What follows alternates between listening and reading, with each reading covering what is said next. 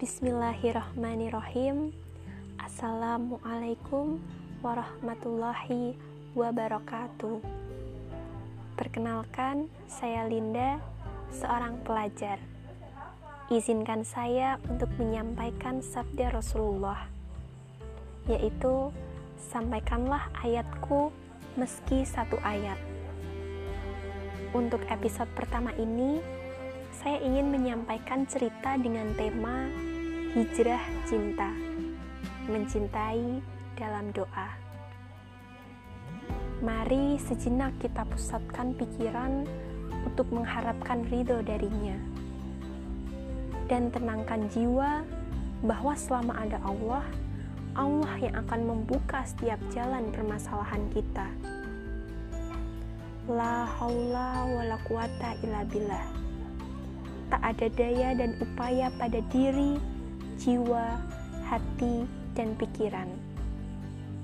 Hanya Allah lah yang maha menguatkan segalanya, mempermudah segala urusan kita, termasuk urusan tentang rasa. Cinta akan bersemi saat waktunya tiba dengan lantunan kalamnya dan salam dari para malaikat. Berbicara tentang cinta memang tiada habisnya. Bahkan air di laut pun tak cukup untuk menggambarkannya.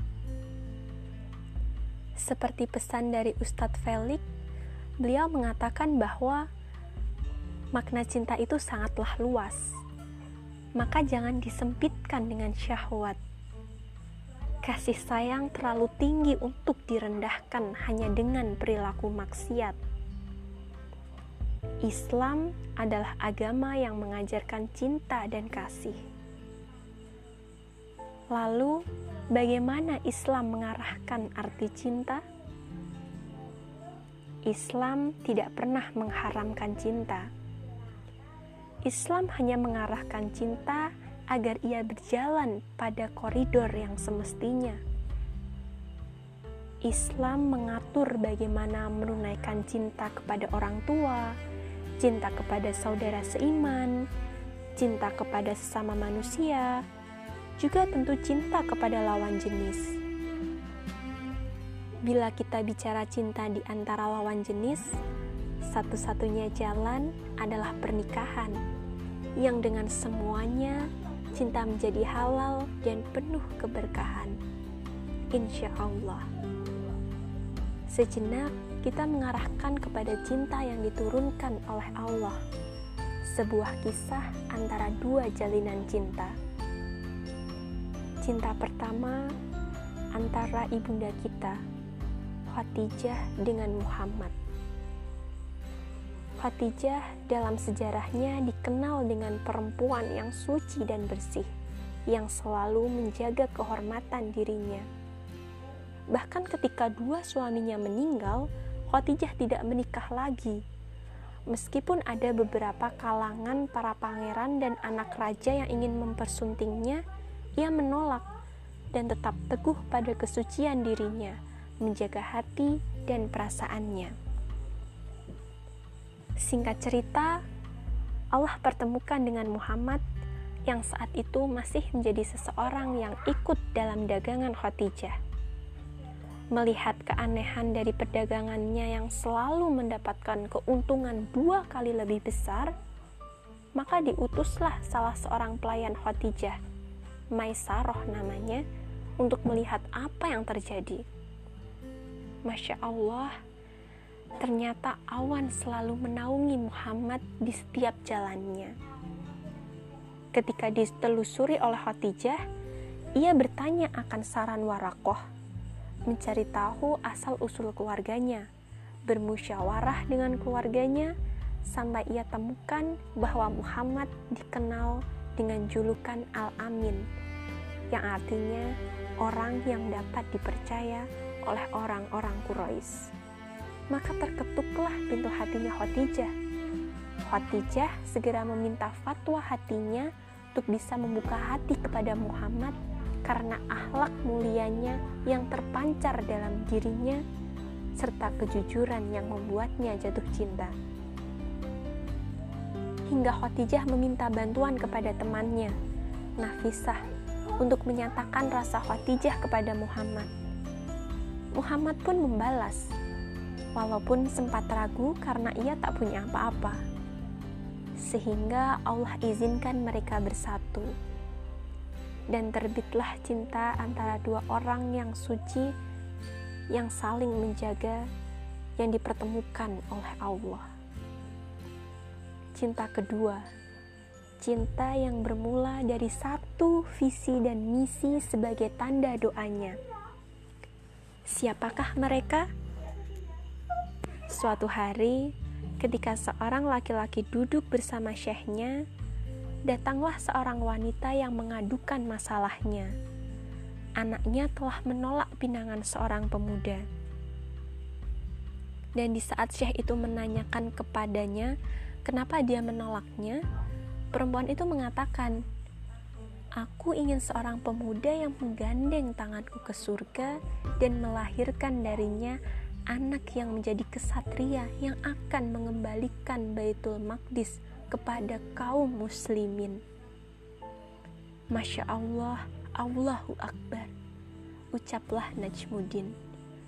Ia teringat kata-kata yang pernah dibicarakan kepada saudaranya. Pernyataan yang sama dan persis dengan visi dan misi yang jelas.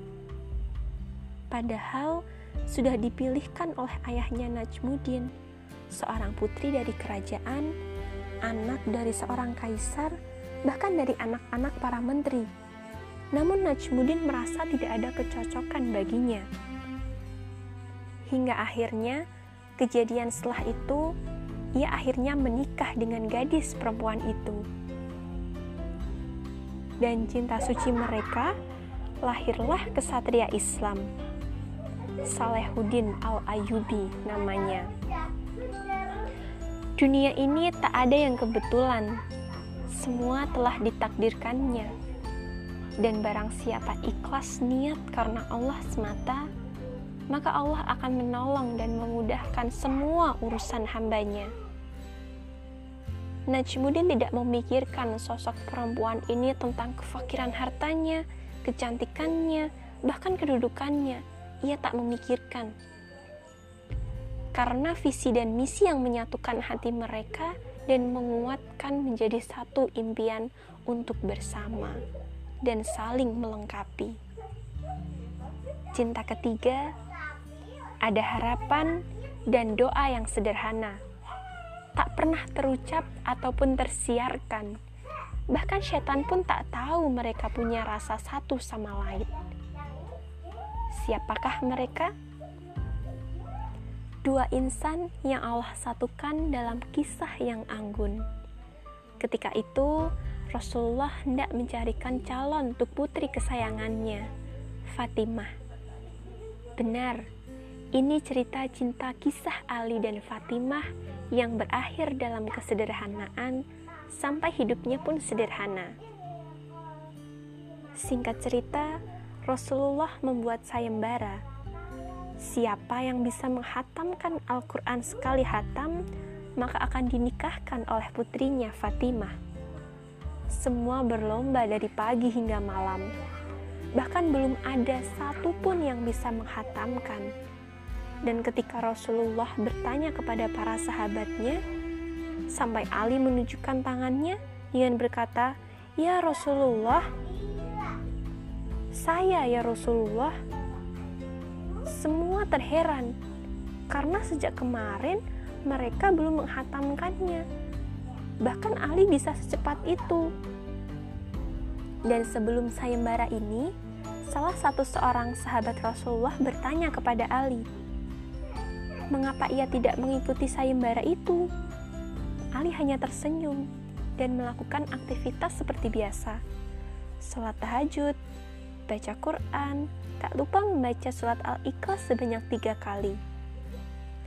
Hingga akhirnya Ali mengacungkan jari saat Rasulullah bertanya, karena ia mengetahui isi perkataan Rasulullah.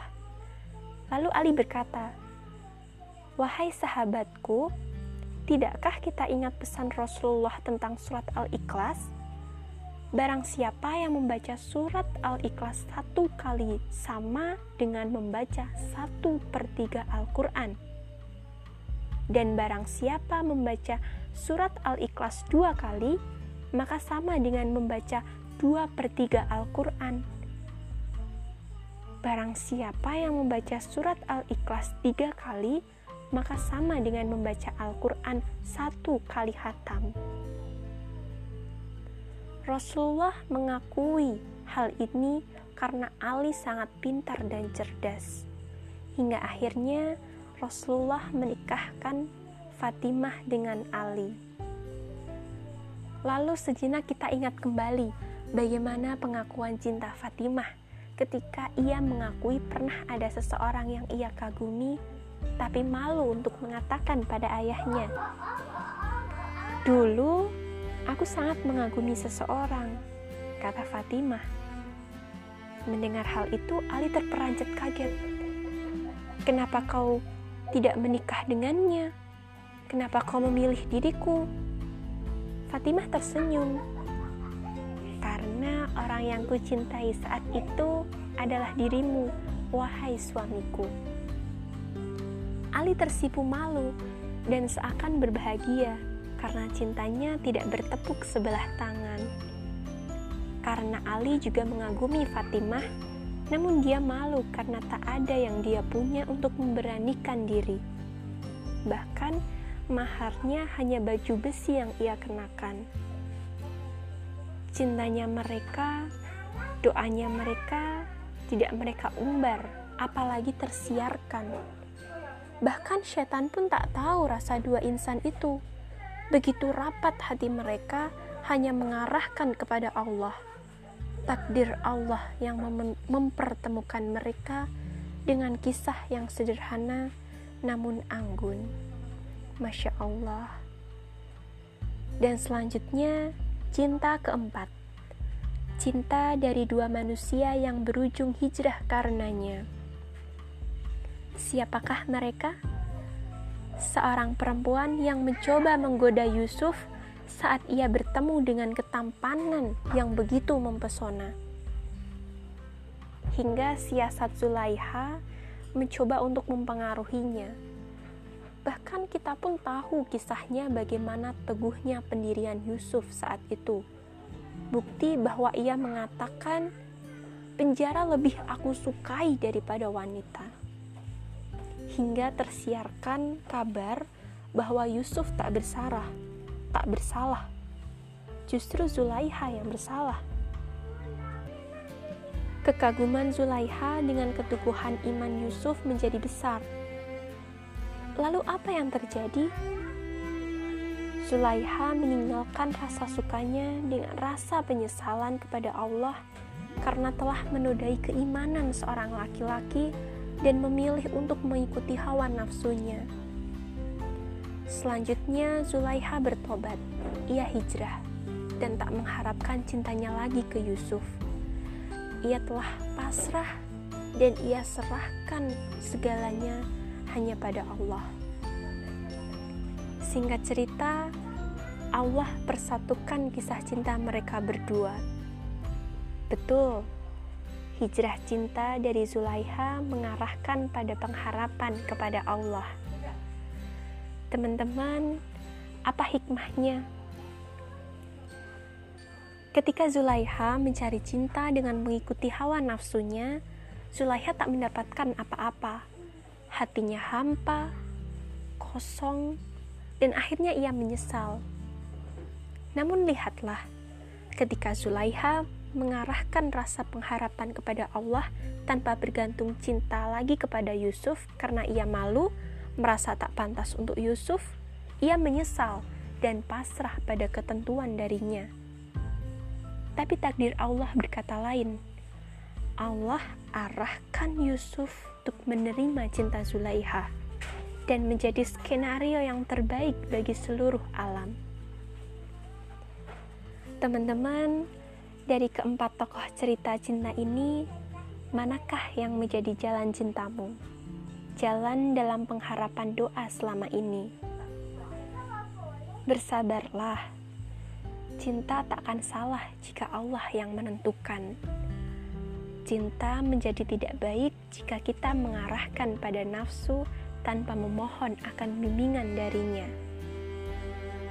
Sebenarnya, masih ada contoh kisah sejati cinta yang tidak menimbulkan bucin, tapi menggerakkan semangat untuk percaya akan takdirnya. Persamaan dari kisah mereka Cinta mereka bukan karena fisik, harta, kekayaan, tahta, ataupun hawa nafsu, melainkan cinta mereka menjaga, melindungi, dan terus memperbaiki diri sampai Allah temukan yang lebih baik dalam hijrah cintanya. Jika seorang laki-laki memilih empat kriteria pada seorang perempuan, maka perempuan hanya butuh dua kriteria dari seorang laki-laki. Apa itu? Akhlak dan agamanya. Karena dengan akhlak yang baik, ia akan memuliakan perempuan, sama seperti ia memuliakan kepada ibunya dan saudara perempuannya. Dan dengan agama yang baik, ia akan pantas menjadi kowam, pemimpin bagi kehidupan kelak nanti setelah pernikahan. Alhamdulillah, itulah cerita yang dapat saya sampaikan. Semoga bermanfaat untuk kita semua. Jazakumullahu khairan katsiron. Wassalamualaikum warahmatullahi wabarakatuh.